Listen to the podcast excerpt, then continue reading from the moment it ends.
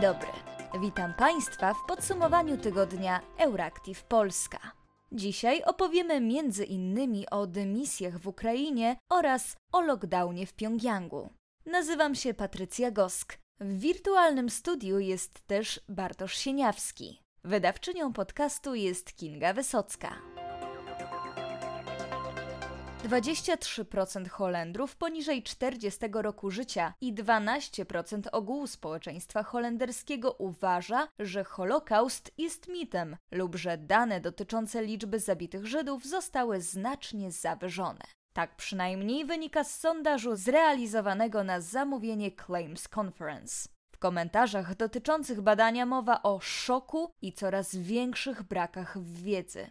Claims Conference, a właściwie Conference on Jewish Material Claims Against Germany, to największa organizacja na świecie zajmująca się zapewnianiem odszkodowań, restytucją mienia oraz pomocą ocalałym z Holokaustu. Zamówiony przez nią sondaż, który miał sprawdzić stan świadomości na temat zagłady Żydów wśród Holendrów, wykazał jej zdaniem niepokojący brak świadomości kluczowych faktów historycznych. 53% badanych nie wymienia też Holandii jako kraju, w którym dochodziło do zagłady. Tylko 22% respondentów było w stanie zidentyfikować nazistowski obóz przejściowy Westerbork, gdzie Żydzi wysyłani byli przed deportacją. 60% nie odwiedziło też nigdy domu Anny Frank w Amsterdamie.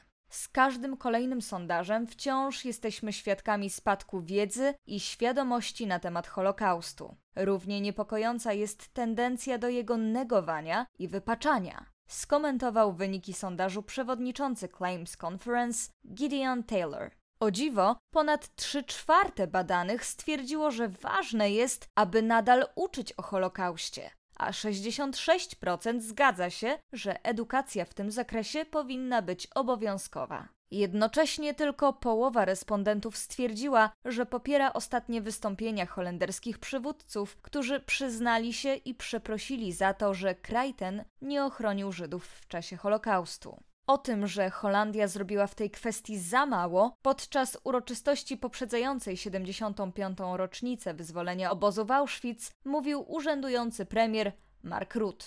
Mając wśród nas ostatnich ocalałych, przepraszamy w imieniu rządu za ówczesne działania. Czynię to, zdając sobie sprawę, że żadne słowo nie jest w stanie opisać czegoś tak ogromnego i strasznego jak Holokaust, powiedział szef holenderskiego rządu. Zadajemy sobie pytanie, jak to się mogło stać. Podkreślił przy tym, że Żydzi mieli zbyt mało ochrony i zbyt mało pomocy. 75 lat po Auschwitz antysemityzm wciąż istnieje. Właśnie dlatego musimy w pełni uznać, co się wtedy wydarzyło i głośno to powiedzieć, podkreślił holenderski premier. W stolicy Korei Północnej, Pjongjangu, wprowadzono pięciodniowy lockdown z powodu wzrostu przypadków nieokreślonej choroby układu oddechowego. Takie informacje podała południowo-koreańska gazeta NK News, powołująca się na oświadczenie rządu Korei Północnej. W oświadczeniu północno-koreańskich władz nie ma mowy o chorobie COVID-19. Mimo to w mieście wprowadzono lockdown, który potrwa do niedzieli. Do tego czasu mieszkańcy mają pozostać w swoich domach i mierzyć sobie temperaturę kilka razy dziennie. Korea Północna przez długi czas utrzymywała, że na jej terenie pandemia się nie pojawiła. O pierwszych przypadkach zakażenia poinformowano dopiero w zeszłym roku. Jednak w sierpniu ogłoszono, że kraj wygrał z wirusem. W czasie panowania pandemii na całym świecie w Korei Północnej nie padały żadne konkretne liczby mówiące o tym, ile osób się zaraziło. Zamiast tego podawano dzienną liczbę pacjentów z gorączką. W sumie liczba ta wyniosła około 4,7 miliona osób. Koreę Północną zamieszkuje około 25 milionów osób. Danych na temat gorączkujących nie otrzymujemy od 29 lipca ubiegłego roku. Od tamtego czasu północno-koreańskie media informowały o przeciwpandemicznych środkach ostrożności, jednak sytuacja nie była na tyle poważna, by wprowadzić lockdown. We wtorek agencja KCNA podała, że kampanię komunikacji społecznej zintensyfikowano w mieście Kasong przy granicy z Koreą Południową. Jej celem jest, by wszyscy pracujący ludzie dobrowolnie przestrzegali przepisów antypandemicznych w swoim miejscu pracy i życiu. Decyzją sądu w Moskwie zlikwidowana zostanie moskiewska grupa helsińska. Najstarsza i najbardziej znana na świecie rosyjska grupa broniąca praw człowieka. Jednym z jej założycieli był pokojowy noblista Andrzej Sacharow. Wniosek do sądu o likwidację moskiewskiej grupy helsińskiej złożyło rosyjskie Ministerstwo Sprawiedliwości. Wskazano w nim, że choć organizacja ta zarejestrowana jest w Moskwie, to prowadzi swoją działalność także w innych rosyjskich miastach. A to, zdaniem ministerstwa, było przekroczeniem jej uprawnień. Sąd przychylił się do tej interpretacji po zaledwie jednym posiedzeniu i nakazał likwidację organizacji, która istniała od 1976 roku i była pierwszą instytucją broniącą praw człowieka w ZSRR. Jej założycielami byli najsłynniejsi rosyjscy dysydenci: Ludmiła Aleksiejewa, Siergiej Kowalow i laureat pokojowej Nagrody Nobla z 1975 roku Andrzej Sacharow.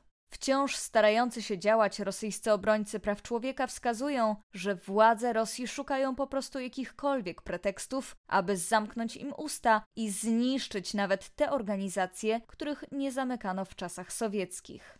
Zarzuty, często formalne i drobne, jakie się nam stawia, są naciągane i nie mają związku z rzeczywistością. Powiedziała w rozmowie z BBC rosyjska aktywistka Ewa Merkaczowa. Z kolei wiceprzewodniczący memoriału Nikita Pietrow stwierdził w rozmowie z Polskim Radiem, że antydemokratyczne tendencje na Kremlu nie mają granic. Słowacki parlament uchwalił poprawkę do konstytucji, która pozwala mu na przeprowadzenie przedterminowych wyborów. Jeżeli większość parlamentarzystów zagłosuje pozytywnie, to Słowacy prawdopodobnie pójdą do urn 30 września. Mimo, że wcześniej odbyło się już kilka głosowań dotyczących przedterminowych wyborów, to przegląd konstytucji wykazał, że słowacki parlament nie miał do nich podstaw prawnych. Parlament ma w przyszłym tygodniu głosować nad przedterminowymi wyborami, których datę wyznaczono na 30 września. To pięć miesięcy przed ustawowym terminem. Uchwalona poprawka do konstytucji zakłada, że zezwolenie na zorganizowanie wyborów wymaga aż 90 ze 150 posłów. Sondaże wskazują, że układ sił w tym kraju powoli ulega zmianie. Partia byłego premiera Roberta Fico z koalicji Kierunek Socjalna Demokracja pozostaje w tyle za liderem partią Głos Socjalną Demokracją. W ukraińskim rządzie posypały się głowy. Za Bugiem doszło do aresztowań i dymisji wysoko postawionych polityków, którzy w jakiś sposób niepoprawnie wywiązywali się ze swoich obowiązków służbowych. Pojawiają się także podejrzenia korupcji.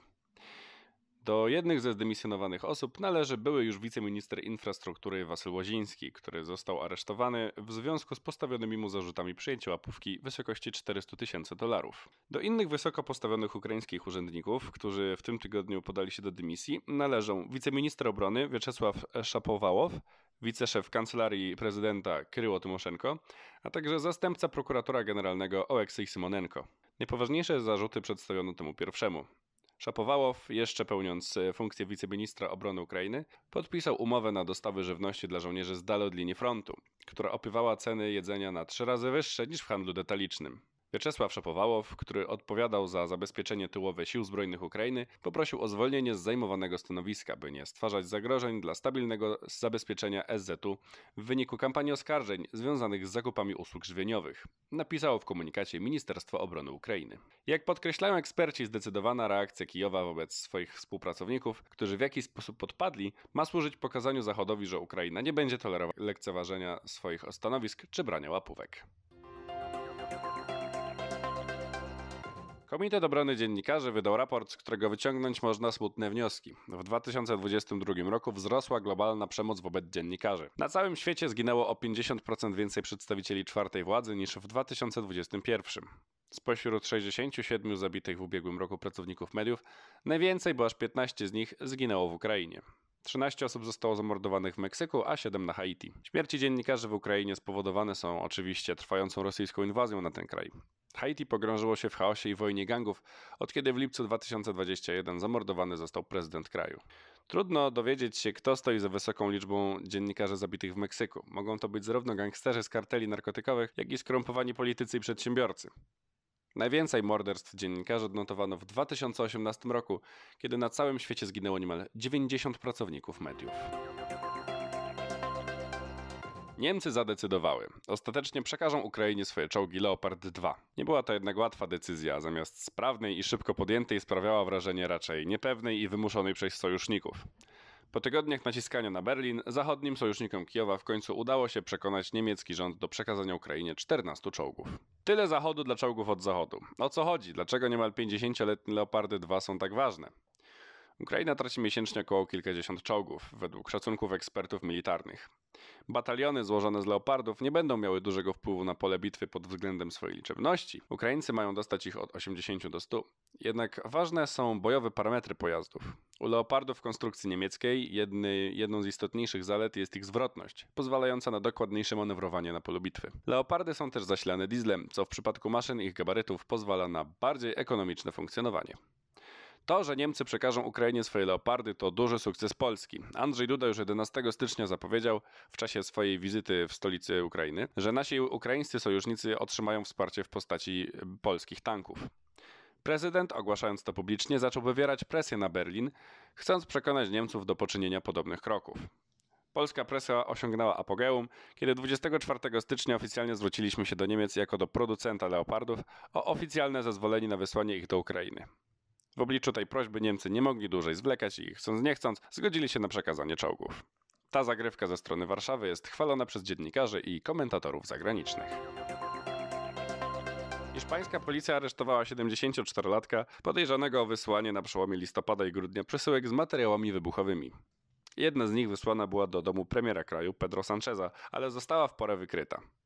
Redakcja New York Times poinformowała w zeszły weekend, że z wybuchowymi przesyłkami związany jest rosyjski wywiad wojskowy GRU oraz kontrolowana przez niego skrajnie prawicowa organizacja Rosyjski Ruch Imperialny, będący współczesną szajką czarnosycińską, odwołującą się do prawosławnego fanatyzmu, nacjonalizmu i monarchizmu rosyjskiego. Neoczarnosecińcy powiązani są z ruchami faszystowskimi w różnych krajach, w tym, jak się okazuje, z neonazistami w Hiszpanii. Amerykańskie służby bezpieczeństwa wpisały rosyjski ruch imperialny na listę organizacji terrorystycznych w 2020 roku i poradziły zaprzyjaźnionym krajom zrobienie tego samego. Oprócz przesyłek z ładunkami wybuchowymi w Hiszpanii, zwolennicy organizacji mieli wysyłać podejrzane przesyłki do placówek dyplomatycznych Ukrainy w 12 państwach. Oprócz bomb Ukraińcom wysyłane były paczki ze zwierzęcymi wnętrznościami. To już wszystko w dzisiejszym podsumowaniu tygodnia redakcji Euractiv Polska. Życzymy Państwu miłego weekendu.